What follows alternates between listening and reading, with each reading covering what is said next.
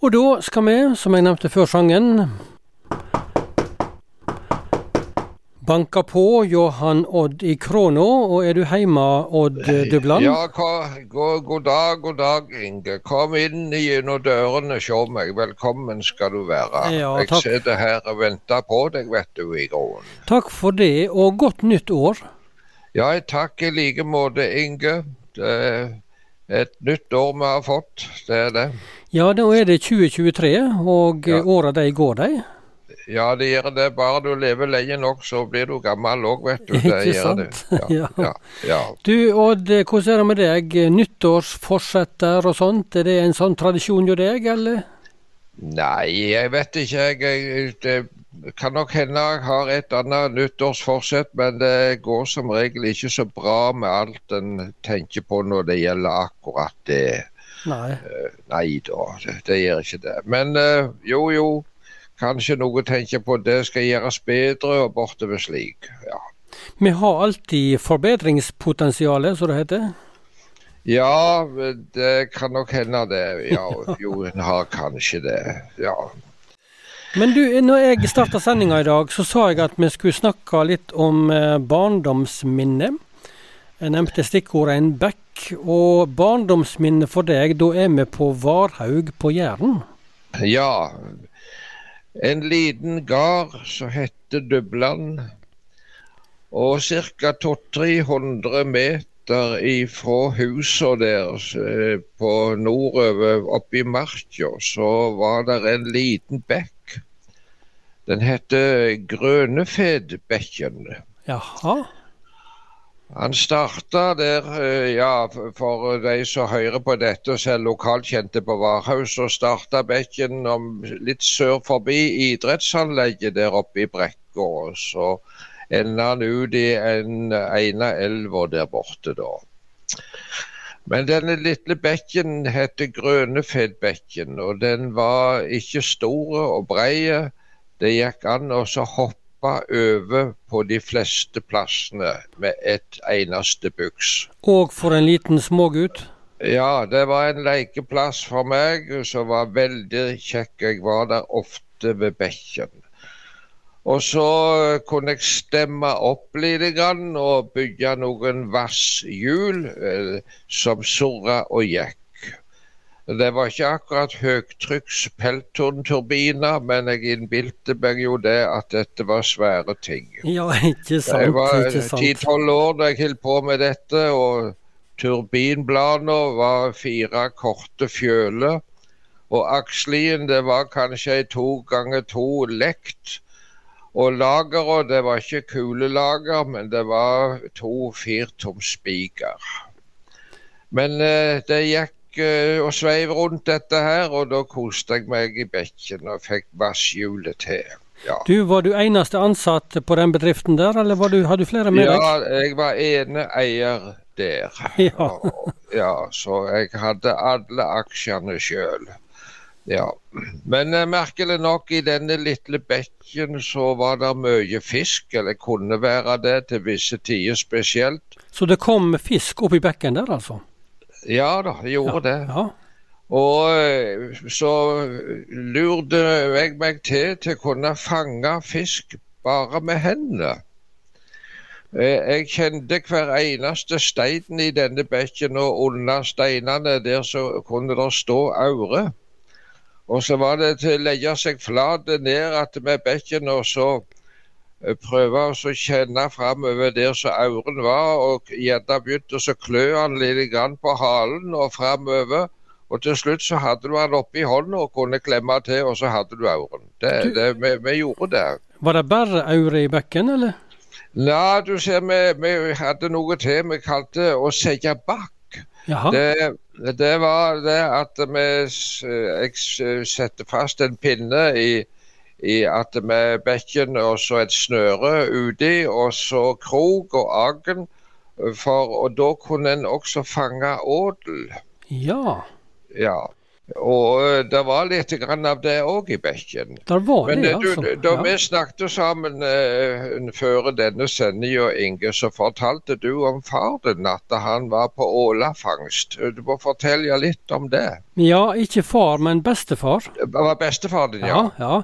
Han uh, var jo fisker og hadde ulike, ulike sesonger og ulike fiskeslag som han fiska. Uh, blant annet ål var jo en del av eh, sesongen da. Eh, og da rodde han jo rundt eh, Osterøy, der han eh, bodde da. Osterøy innenfor Bergen. Og, og fiska ål og sette sånne åleteiner. Og da var han gjerne vekke i dagavis og, og la seg igjen oppi et naust hjå kjentfolk og sånt, og så rodde han videre til neste plass. Og hvis det var litt sånn uh, god vind i fjorden, da hogde han seg gjerne en liten sånn uh, bjørkekvist eller bjørkegrein med godt med lauv på, og sette den fram i baugen på båten, så fikk han litt sånn ekstra, et slags litt sånn segl da, gjennom denne her bjør- bjørkestamma. Uh, Og så fra plass til plass, og fiska ål, altså, med ålategnet, Men det var ikke ålateiner du brukte i bekken? Nei, det var krok og snøre, og så var det det at hvis ådel beit på, så for han inn i et hull, og det var da måtte jeg slite for å få han ut. og det var, Jeg vet at det var iallfall en av de som havna på stekepanna hjemme i Dubland. Jaså, jaså, jaså. Men det, vi kalte det for å sette bakk. Ja. Jeg forstår. Men så var det, så var det en høstdag. Jeg, jeg var sammen med noen kamerater òg oppe i bekken. Og så det, plutselig var det så voldsomt mye aure.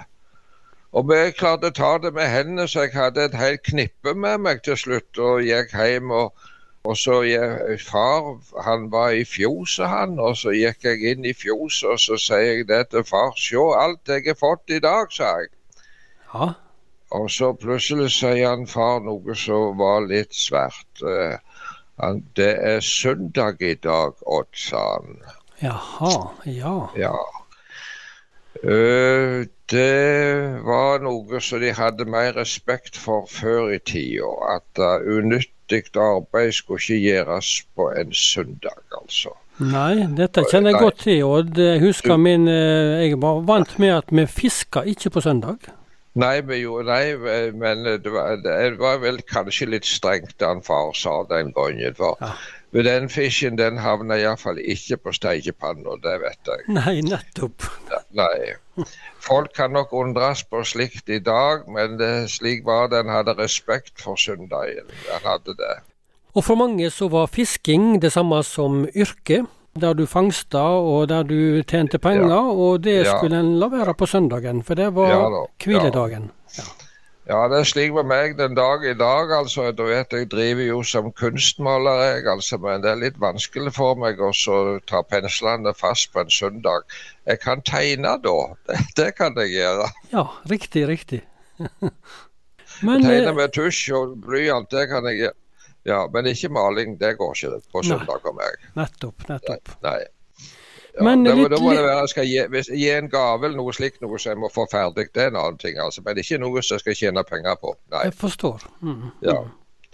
Men litt tilbake til bekken, Odd. Eh, Ja. Du fikk altså tak i både ål, og du fikk tak i aure i bekken der? Ja, så, men så var det en gang jeg, eh, jeg, jeg var og skulle ta aure, og så var det et hull under ei tue.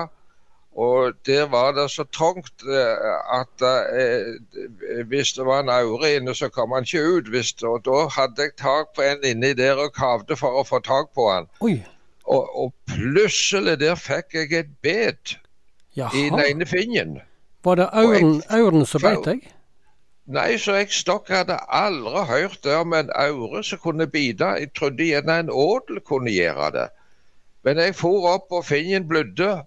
Og så plutselig ut ifra dette hullet så så det ei vannrotte.